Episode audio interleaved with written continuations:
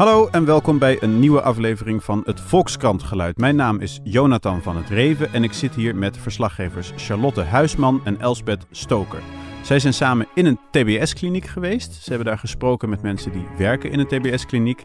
Um, en daar hebben ze afgelopen weekend een groot stuk over geschreven in de krant. Nou, TBS is natuurlijk een uh, beladen onderwerp, ligt al heel lang onder vuur. Uh, dus daar gaan we het allemaal over hebben. Maar zoals altijd beginnen we met het geluid.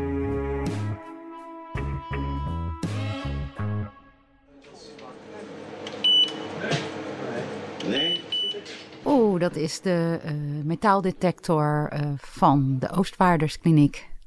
Dus als je daar binnenkomt, dan is het eerste wat je tegenkomt, net als op Schiphol, ja, eigenlijk je mag ook bijvoorbeeld geen mobiele telefoons uh, naar binnen nemen. Uh, dat is wel echt een, uh, een, een, van de strakke eisen, omdat ze niet willen dat er foto's binnen worden gemaakt. Dus wij moesten ook, omdat we wilden opnemen, daar nogal over onderhandelen. Ja, ja, maar want het is heel was, streng. stond ook een foto, zag ik, van kinderwagens. Ja, dat zijn heeft onze speciale... fotograaf, ja, maar dan met, maar die foto's maken. zijn wel later ook door justitie en door hun bekeken. Goed ja, het is maar dat waren de een- speciale kinderwagens voor als je daar komt, Ja. zodat je niet een beetje met je eigen kinderwagen het vol is met pistolen en beveiligd. messen daar Het is naar een binnen zwaar rijdt.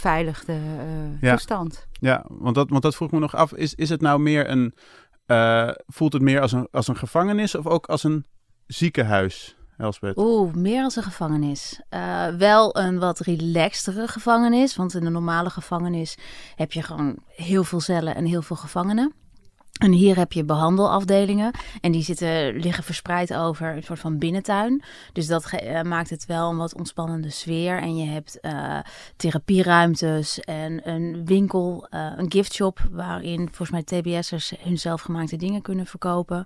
Dus het is... ehm, het is wel ontspannender dan een gevangenis, maar het Ja. is wel nog steeds zwaar beveiligd. Ja, ja, ja. Want het blijft natuurlijk wel zo. Iedereen daar heeft iets heel ergs gedaan. Toch? Je komt niet van zes, zes winkeldiefstalletjes. Eh, en je bent eh, een beetje moeilijk in je hoofd, dan krijg je geen TBS. nee, Je nee, nee. Mensen hebben wel misdrijf. serieuze misdrijven gepleegd. Ehm, het is wel zo natuurlijk dat heel een deel van de mensen die daar wonen... eh, al een gevangenisstraf op hebben zitten en inmiddels behandeld worden. Dus het kan zo 15, 20 jaar geleden zijn dat ze iets hebben gedaan. Soms wel, soms wel. Ik weet niet of het bij alle gevallen zo lang is. De meeste gaan wel wat sneller. Maar het is, ehm, dat betekent dus ook, ze krijgen ook vrijheden.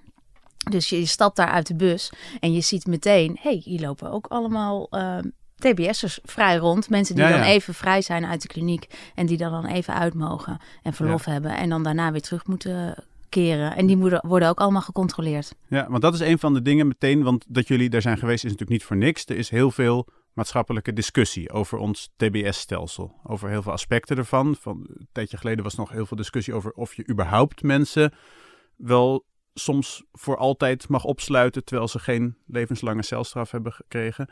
Ehm, maar vooral, nu gaat het over, ook door een paar dingen die gruwelijk mis zijn gegaan, over die vrijheden. Hè? Ja, maar we kiezen natuurlijk voor een systeem. eh, we leven gelukkig in een land waar we geen eh, doodstraf hebben en, en levenslang ook iets heel eh, zeldzaam is. Het idee is dat mensen, als ze, ze moeten die kans natuurlijk wel pakken, maar als ze die kans pakken, een tweede kans zouden moeten krijgen. En dat is natuurlijk een heel wankel evenwicht. Want nou ja, de, de, we hebben hier zo'n leuk staatje.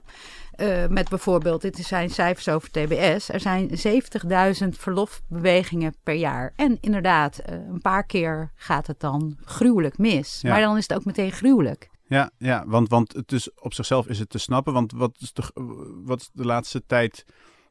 Ja, dat is een beetje ingewikkeld, maar de, de moord op Anne Faber... Ja, maar die- die dat zat was niet geen in een TBS'er, hè? Dus dat Nee, is weer die zat- die had gewoon een wel bij de gevangenisstraf. grote kluwen van woede natuurlijk gegooid ja, over dat was forensische zorg. Er werd eigenlijk bij hem juist gezegd, had hij maar, maar TBS, TBS? gekregen. Ja. Nu heeft hij TBS. En ik, Ja. ik denk eigenlijk eh, bij hem, nou, het, het zal wel heel lang duren voor eh, hij eh, vrijheden krijgt. Ja, ja. Omdat juist omdat iedereen er zo op gespitst is. Ehm, en, maar, en de, dus je hebt de discussie over überhaupt het systeem en over echte fouten die worden gemaakt. Ja, Ehm, wa- wat is nou bij TBS, is er nou daar een grote fout te noemen Nou, je Bijvoorbeeld had, met in, iemand eh, die verlof krijgt die het niet had moeten krijgen. je had in 2017 is er een man geweest eh, vanuit de Oostvaarderskliniek waar we zijn geweest. Die had verlof en die heeft in Arnhem twee mensen vermoord. En toen achteraf bleek dat die man, die had eerder in andere klinieken gezeten, ehm, dat hij daar zich onttrokken had aan het verlof. En blijkbaar was dat op een of andere manier niet eh Dus was goed gecommuniceerd. Ja. Ja. Nou ja, on- je hebt Of dat- je hebt ja. verschillen tussen onttrekking ja. aan het verlof en, en echt ontsnappen. Ja. Onttrekken aan het verlof is dat je, eh, stel je mag eh, twee uur afwezig zijn en je komt eh, vier uur later teru- terug, Ja. dan heb je je ontrokken. Ja. Eh, maar dan kom je wel zelf terug. En als je echt ontsnapt bent, dan eh, komt er een klopjacht en dan. eh, ja, dan worden meteen de marshals, of althans de. Ja, dan wordt het vastteam van de gebeld. politie eh, gebeld en die gaan dan meteen een klopjacht opstarten. Ehm, Maar dat was dus misgegaan. Die, die, die man die had zich al een keer ontrokken. Dat wisten ze niet daar. Ja, en daardoor zijn de daardoor risico's verkeerd hebben ze te veel ingeschat. risico met hem genomen. Ja. Met dus een moord als gevolg. ja. Ehm, en nu dus, eh, soort van voor het eerst, of althans, het is vrij zeldzaam dat je kunt spreken met mensen die werken in zo'n kliniek. Dat hebben jullie gedaan. Ja, we, hebben, we kregen vanuit eh, de, het katern zaterdag het verzoek van... God, ga eens met eh, TBS-medewerkers praten. Je, die sector ligt eigenlijk altijd onder vuur. Ja. Ehm, en met Michael P. was eigenlijk de vraag... Want Michael P. had zijn behandelaars in die De forensische moordenaar kliniek. van Anne Faber. Hè? Ja, en dat was in een forensische kliniek. Dat was dus geen TBS-kliniek, maar die had dus zijn behandelaars weten te foppen. De gedachte was, ga nou eens met eh, mensen in die sector praten om te vragen van ja, hoe makkelijk is het nou om eh, voor de gek te worden gehouden? En ja, waar haal je ook je voldoening uit? Hè? Want je ligt altijd onder vuur, je kan het bijna nooit goed doen. Je hebt Ja. bovendien een hele moeilijke doelgroep. En toen hebben we de Oostvaarderskliniek eh benaderd en die stond daar wel voor open. Ja, en daar mochten jullie dus praten met mensen. Ja. Ehm, en ehm, hoe, de, ik, ik, wat mij opviel, er stond daar, jullie schreven, ze spreken vrij uit, de medewerkers. Al worden ze soms belemmerd door hun medisch beroepsgeheim. Eh, en van sommige voorbeelden zijn dan de details veranderd om herleidbaarheid te voorkomen. Ik vraag Ja. me altijd af dan... want Heel weinig, Het eerste wat heel ik dan... weinig. Ik ga dan puzzelen van wat kun je hier aan Ja? Hier- eigenlijk Het enige niks. wat je kunt veranderen is de, van een man een vrouw maken. Nee, En verder kan nee, je niks nee. maar dat je kunt bepaalde details ook Ja. weglaten om Ja. het wat generieker te maken. Ehm, dus daar hebben we heel erg op gelet. Dat niet eh, later een oud patiënt denkt van... oh jee, ze hebben over mij gepraat in de krant. Ja. Want dat is natuurlijk niet, dat is niet bevorderlijk voor de behandelrelatie. En Ja. dat is ook... Dat hadden we bij Van der Hoeven kliniek hadden we dat ook. En toen bleek, hadden wij, dachten wij een, een voorbeeld maar zeiden. Zij van, ja, maar dat is de enige persoon in heel Nederland die zo is. Ja, dat, dat, Ja.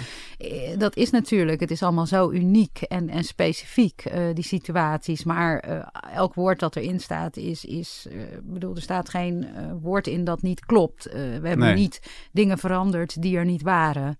Nee, oké. maar, we zijn maar- voorafgaand trouwens aan de, aan de Oostvaarderskliniek... zijn we ook naar de Van der Hoeven kliniek geweest. Mhm. Maar dat artikel is al eerder gepubliceerd. Dat was Oh ja. rondom de...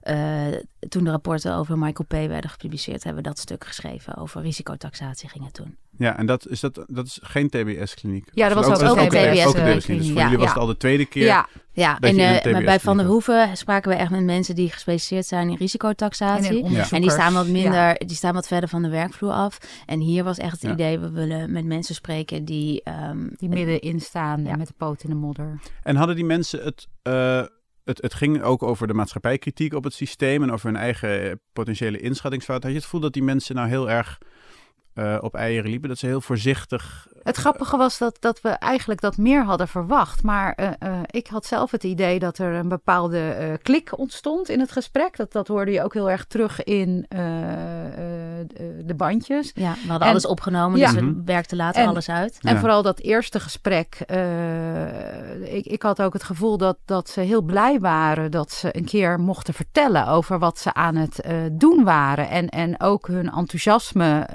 Eh, nou ja, dat, dat, dat was echt aanstekelijk, vond ik. En, en daardoor kreeg Over, je over het werk dat over ze het deden. werk Ja. dat ze doen. En eh, nou ja, ze, ze vertelde in ieder geval op een ontzettend... Ik had zelf het idee dat ze ontzettend open vertelde. En wij hadden ook van tevoren gezegd van... eh, ja, we kunnen over dingen praten. Hè. Eh, uiteindelijk is er bijna niks uitgegaan. Maar Nee, zij nee. voelde zich gewoon in mijn beleving vrij om, om te praten. Ja, ik had ook niet het idee dat ze, dat ze op hun tong beten of iets dergelijks. Want dit waren Ja. qua positie, dit waren niet de, de laagste in rang Nee. in zo'n kliniek. Het waren ook weer niet de directeuren. Het, het was, Het was eigenlijk een, een doorsnede van alles. We, ehm, Evelien die is eh plaatsvervangend Van de directeur, dus daar is meer van Oh, de ja. grote lijnen. Maar stel dat er een TBS'er niet eh, terugkeert van van verlof. Dan wordt zij gebeld en volgens mij is zij samen met een collega uh, ook degene die dan besluit, we gaan het politieteam uh, bellen van, de, mm van het vastteam. En dan heb je uh, Mike, uh, dat is een GZ-psycholoog. Dus hij uh, is ook verantwoordelijk voor behandelingen. En dan heb je Marieke en zij staat echt met de poten in de modder. Zij zij zit echt op de groep. Dus daarom wilden we ook heel graag iemand die gewoon uh, met die mensen is op zo'n woongroep. Uh, want, want een van de dingen die ik mezelf afvroeg uh, was: wat betekenen die woorden nou allemaal? Hè? Zoals behandelen. Ja, iemand wordt ja. behandeld in een kliniek. En ja. nou ja, het lijkt wel als een, een wasmachine. Hè? Een psychopaat gaat erin en komt er als een modelburger uit. En dan blijkt, uh, wat ik zelf heel interessant vond, het eigenlijk uh, ontzettend uh, praktisch te zijn. Als, nou ja, als hij aan het werk is en een, nou ja, dat kan ook uit de lucht komen vallen. Eén had op een, een, stage een vriendin ontmoet, was verliefd geworden. Nou, dat maakt hem rustig. nou ja, bij, bij zedendelinquenten, die, die, als die eenzaam zijn, blijkbaar gaan ze vaker in de fout. Dus dan zorg je dat er mensen omheen staan die hun een beetje gezelschap houden. Of uh, iemand die altijd ruzie krijgt.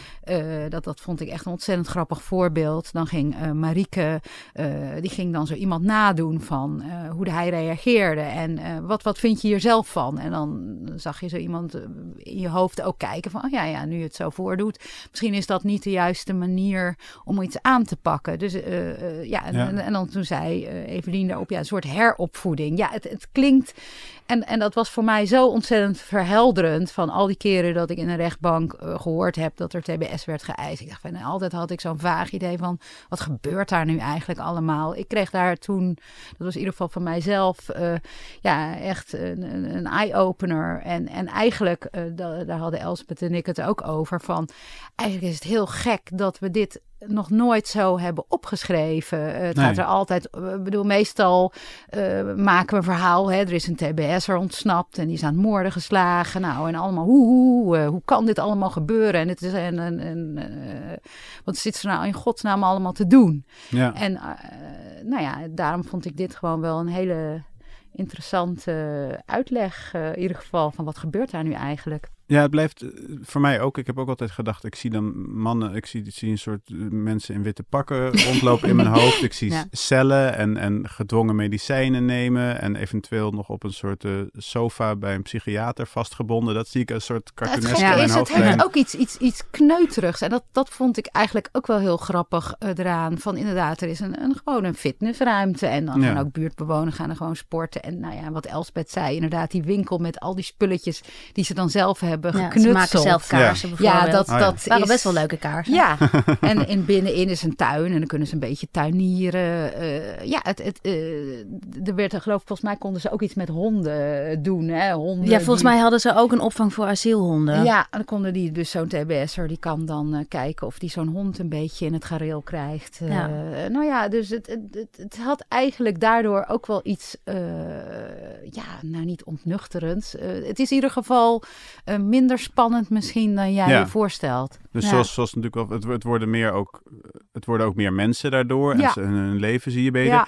Eh, jullie schrijven op een gegeven moment, ehm, dat zegt dan een van, de, een van de mensen die jullie hebben gesproken. Veel patiënten denken dat wij ze het liefst voor altijd zouden willen opsluiten. Dat wij zo denken als de maatschappij denkt. Mhm. Dus, en dat komt steeds terug ook in het stuk en in de discussie. Je hebt Mhm. de mensen die daar echt werken en de mensen die er echt zitten. En je hebt de maatschappij.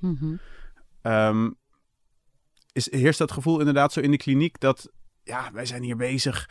Wij doen hier goed werk. Nou, Dit zijn heel gewone niet, mensen. hè? En daarbuiten, daarbuiten Want denken ze allemaal... die buurt, Nee. die buurt bijvoorbeeld, dat, dat vond, eh, vond, eh, vond ik ook heel leuk om te horen. En dat, dat zegt dan Eveline ook van, joh, dat ze dat, eh, nou ja, dat, als ze dan pillen vinden, dat ze die gewoon uit de Ja. Niet dat ze elke dag pillen vinden Niet dat elke dag potje met onduidelijke pillen in de ja, dat- maar Ja. dat, dat zijn van die schitterende details. Ik bedoel, Ja. dat, dat kan je gewoon niet voorstellen. Ja. Oh, En dat zal wel van jullie wezen. En Evelien vertelde ook wel heel mooi over Ja. dat er echt nog wel genoeg werkgevers te vinden zijn voor Ja. mensen die een werkplek nodig hebben. Ja. Ja. Dus dat mensen het toch wel aandurven. Ja, dus de Eh, maatschappij, de boze maatschappij. Met, Die met is die, ook die- heel dat zijn, gefragmenteerd natuurlijk. Ja. dat Ja. zijn verschillende mensen. En, waar, en waar, hoe is jullie... Want ik, ben, ik zie mezelf ook dan wel als onderdeel van de maatschappij. En eh, super genuanceerd natuurlijk. Maar als er zoiets gebeurt, dan denk ik ook, ja, je zegt, je zegt 70.000 verlofbewegingen. En dan gaat er eh, één of twee of drie keer iets mis. Eh, er zijn een paar mensen dood. Maar het zal maar je Denk kind ik, zijn. Ja.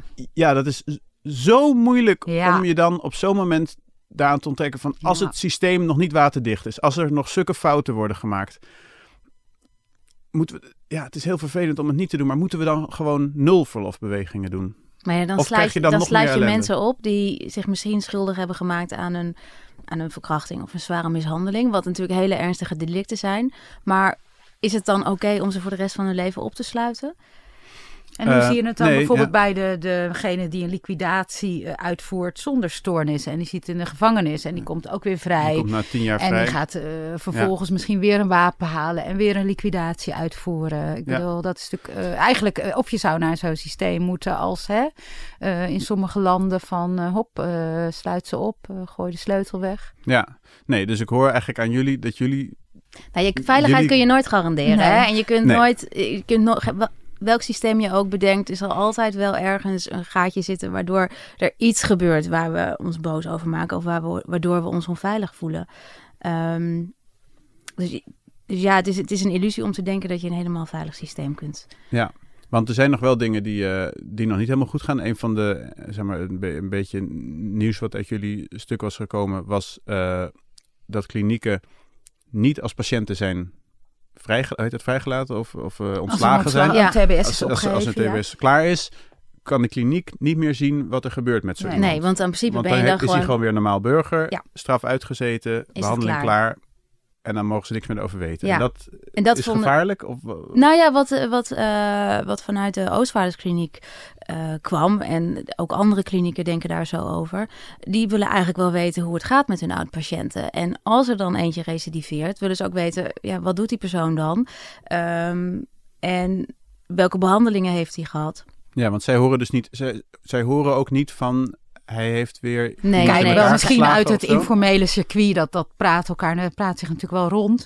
Maar het is natuurlijk eigenlijk, eh, ja, om, om iets te verbeteren moet je kunnen onderzoeken wat het, eh, wat het resultaat is van iets. Ja. Stel nou dat van een bepaalde eh, groep die een bepaald soort delict heeft gepleegd, een bepaald soort behandeling heeft ge- gehad, dat al die mensen weer gekke dingen gaan doen buiten. Ja, En, en wij weten dat niet. dus dat als zij weten bijvoorbeeld alle mensen met een, met een, eh, eh, met een bepaalde Noem maar wat. gedragsbeperking. Ja, Ze willen kijken of er patronen ja. in zijn Ja. te ontdekken en hun behandeling Ja, kunnen want stel je voor, dan zou je kunnen denken: oh, daar, daar moeten we iets voorzichtiger zijn met verlof. En daar moeten we bij de risicotaxatie nog net een streepje achter meer bij zetten. Eh, Dus daar zou, dus eigenlijk daar is zou het wel eigenlijk de veiligheid Ja. en, de, en de behandeling zou boven de privacy Ja. van die patiënt. Ja, dat vinden- zij. Hè? Ik Ja. bedoel, Ja. Wij vinden natuurlijk niks als journalisten. Maar eh, Nou, eh, we, hadden wel het, we hadden wel het gevoel dat, ze, dat er een punt was eh, dat, dat werd gemaakt. Ja, ja. En de, en de misstanden eh, binnen de klinieken. Hè? Want uit het stuk, je spreekt nu mensen in de klinieken. Het ging ook vaak over bijvoorbeeld dat wat wel eens gebeurt is dat er iets tussen een patiënt en een eh, eh, behandelaar ontstaat. Eh, en je, er staat het stuk, als dat wordt gemeld, dat moet je meteen melden. En als je het meldt, is het meteen klaar. ja. Ben je meteen weg, ga je naar een andere kliniek. Of Ja, dat nodigt natuurlijk niet echt uit om het te melden. Nee, maar ja, het een kan natuurlijk systeem, niet. Maar het kan ook niet anders, Ja. dus dat snap ik. Ehm, maar er, werken, er worden ook denk ik heel veel menselijke fouten gemaakt binnen zo'n kliniek. Overal dat- waar mensen werken worden fouten gemaakt. Zeker, natuurlijk. maar dat komt dan in dit stuk dan ook logischerwijs misschien weer niet naar voren. Ik voel me af, hebben ze, is het niet een, een wordt er niet een, een te rooskleurig beeld geschetst door deze mensen, omdat ze daar zelf werken? Ik heb juist het idee, eh, als je het stuk leest, staan er heel veel dingen in die in mijn beleving niet zo rooskleurig zijn. nou, als ze een geven ook wel TBS'er toe als die, eh, inschattingen die maken. bijna eh, eh, een van hun collega's dood. eh, eh, Nee, nou maar dat ja, is niet, ro- niet rooskleurig in de zin van dat het alle- allemaal leuk is, maar eh, dat de mensen die er werken, dat het aan hun in elk geval niet ligt. Ik heb niet de indruk dat zij geen zelfreflectie hebben. Nee. Nee? Nee, nee, nee, want Nee, er komt ook een paar keer uit het zich stuk. vo- voelen als, als iemand recidiveert die bij hun heeft gezeten. Dat is nou ja, de- dan voelen ze zichzelf als één groot falend systeem. Ja, ja, Ja. precies. Dus Kijk, en is- helemaal is het wel degelijk een beetje hun fout Dat zeggen ze. erg Dat, dat, ja. Volgens mij is dat de eerste alinea, dat, dat ze zichzelf al kastijden. Ja, Ja, kijk, en helemaal zeker weten doe je natuurlijk niet, Nee. hè? Want Nee. je, het is een momentopname. Je spreekt, we hebben ze uitgebreid gesproken.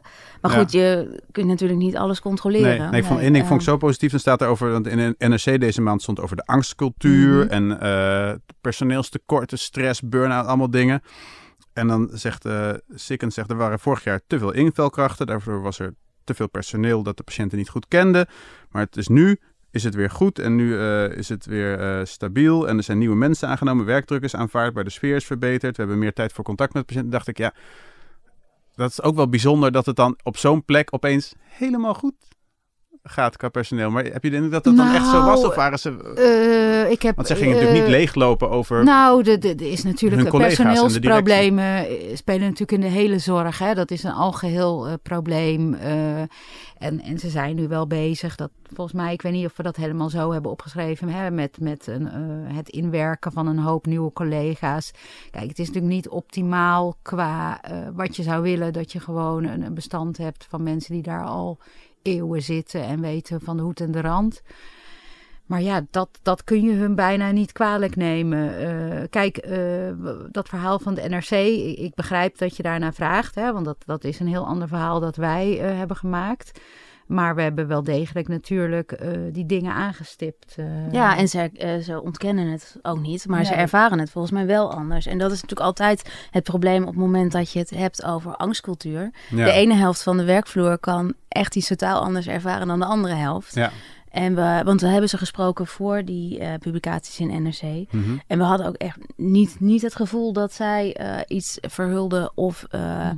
eh, zelf last hadden van die angstcultuur. Maar dat wil niet, neemt niet weg dat een ander deel van hun collega's dat wel zo kan ervaren. Ja, we hebben ja. hun daarna ook eh, wederom bevraagd. Eh, we hebben nog twee keer met hun eh, daar uitgebreid over gesproken. Omdat wij natuurlijk ook dachten van jeetje, hebben wij echt iets over het hoofd gezien. Dat is natuurlijk ook... eh, en, en nou ja, weer uitgebreide gesprekken gehad. eh, ook doorgevraagd op alles en nog wat. Eh, nou ja, niet alles daarvan is inderdaad in het stuk gekomen. Maar ze, hebben daar wel, ze zijn wel tot, tot de bodem gegaan. Het is niet dat ze geen vragen, sommige vragen Nee. niet hebben beantwoord. En de hoop is, neem ik aan, dat jullie hoop een beetje is dat mensen door het lezen van dit stuk meer begrip krijgen voor TBS-klinieken, voor mensen die daar werken, misschien zelfs voor mensen die daar zitten. Eh, ook wel het daar natuurlijk niet speciaal over ging. Ehm, journalisten hebben, eh, jullie hebben er zelf geen mening over, eh zei jij, Charlotte, maar toch eh, hebben jullie het gevoel dat het een bepaalde kant op gaat met, eh, met de TBS-klinieken? Want de ontwikkeling is al dat het Nou, wat minder een... Wat, eh, wat Mike Sikkens ook zegt, want TBS is altijd een golfbeweging. Dus ja, het zou kunnen zijn natuurlijk dat eh, eind april is er een ehm, dode gevallen. En dat was een oud, de dode was een oud patiënt van de Oostvaarderskliniek. En de twee verdachten in die zaak zijn ook, eh, eentje is patiënt en eentje is oud patiënt. Dat is natuurlijk wel een heel ernstig incident. En het kan natuurlijk zijn dat dit... Incident zorgt voor een kantelpunt en dat men eh, weer wat strenger gaat worden Ja. met verlof. Hoewel dat En was zo niet, gaat was het niet een jong meisje of zo. Dus, Nee, het was niet een dus jong dan kan meisje, de dus boze misschien maatschappij weer denken, ja, er was ook een patiënt. Eigenlijk, als je het goed bekijkt, is de ophef eh, snel geluwd. Dat is natuurlijk heel anders, Ja. inderdaad, als het een, een jong meisje zou zijn die helemaal nooit iets met TBS eh, Nee, te maken had nee. gehad. Eh, dus in wezen, eh, als je kijkt nu bijvoorbeeld, is de ophef groter over eh, die man die op de heide wat mensen heeft eh, doodgestoken, die Ja. er echt niks mee te maken hadden. Nee. Dus je, je ziet ook, en dat is natuurlijk ook wel maf, hè, van als het dat eigenlijk eh, in mijn beleving dit, eh, de, de ophef hier alweer een beetje aan het luwen is. Ja, maar goed, je weet, ja, het gaat altijd had- ik in, in toegeven, Ik had golfbewegingen. zelfs Dus, gemist, deze, Ja, deze. Omdat, ik, ja, Ja, waarschijnlijk. omdat ja. er maar zeven berichtjes over waren in plaats van 700. Ja, Ja, precies. En ook op Twitter, nou ja, de, de, de, de ophef ja. is dan toch anders. Maar het is dus, jullie kunnen ook niet zeggen, zou het, jullie voelen niet of het nu weer strenger gaat nou ja, worden? er, komen, er worden nu natuurlijk door, door Michael P. En, en eh, nou, eerst was natuurlijk de, de, de toestand dat eh, advocaten eh, aan, hun, aan de, hun cliënten afraden om mee te doen aan onderzoek hè, voor Pieter Baan. En, Ja, want voor je het weet krijg je Ja, feitelijk levenslang Precies. in de En TBS. nu eh, is, die, is die route ook alweer afgesloten. Dus de verwachting is dat er juist meer mensen TBS gaan krijgen. Ik zie dat ook in de, in de rechtbank al. Dat Het eh, aantal eh, iemand rechten... eh, staat- die, die eh, in Utrecht nog, twee verkrachtingen, hup, TBS. Het aantal TBS-opleggingen Ja. stijgt ook weer. Na, volgens mij na Michael P. Ja, ja, dus dat is een trend. Ja. En eh, kunnen ze dat aan, de klinieken? Nou, ze hebben juist, eh, volgens mij bij de Oostvaarderskliniek, hebben ze juist eh, cellen afgebouwd. Ehm, maar we hadden het erover toevallig met, vo- met de voorlichter. En die zei van ja, de meeste, meeste krijgen eerst toch gevangenisstraf. Dus we, we, we weten wel, het duurt nog eventjes voordat ze komen. Ze hebben Ja, acht jaar bijvoorbeeld om, Michael P. die heeft ook best wel nog wat jaren in de gevangenis Ja, eh, door ja. te brengen. Ook Dus voordat ze komen, duurt het nog wel eventjes. Het blijft toch ook raar. Sorry, ja, ik wilde eigenlijk afsluiten. Maar dat is toch, het blijft toch een raar systeem. Hè? Want hij is dus schuldig en hij heeft iets heel ergs gedaan. En eh, hij is niet helemaal goed bij zijn hoofd, zou je kunnen zeggen. Maar dan moet hij eerst in de gevangenis zitten, wat helemaal niet speciaal goed voor je is als je niet goed bent bij je hoofd. En daarna pas mag je naar de plek waar hij ook zit opgesloten, waar hij wel wordt behandeld voor Ja. zijn...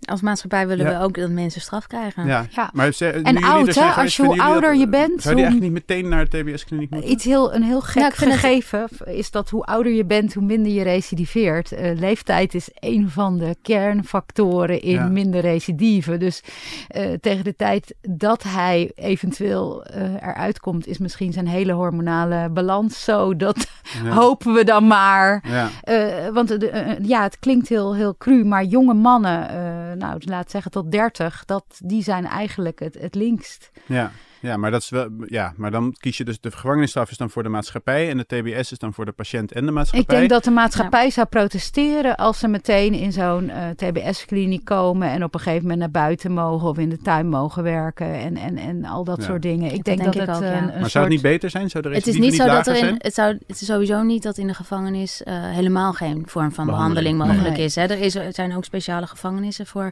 gevangenen met stoornissen. Eh, dit, dit heet de PPC. Dus eh, zij kunnen wel al een vorm van behandeling krijgen. Het is Ja. alleen minder uitgebreid dan in een TBS-kliniek.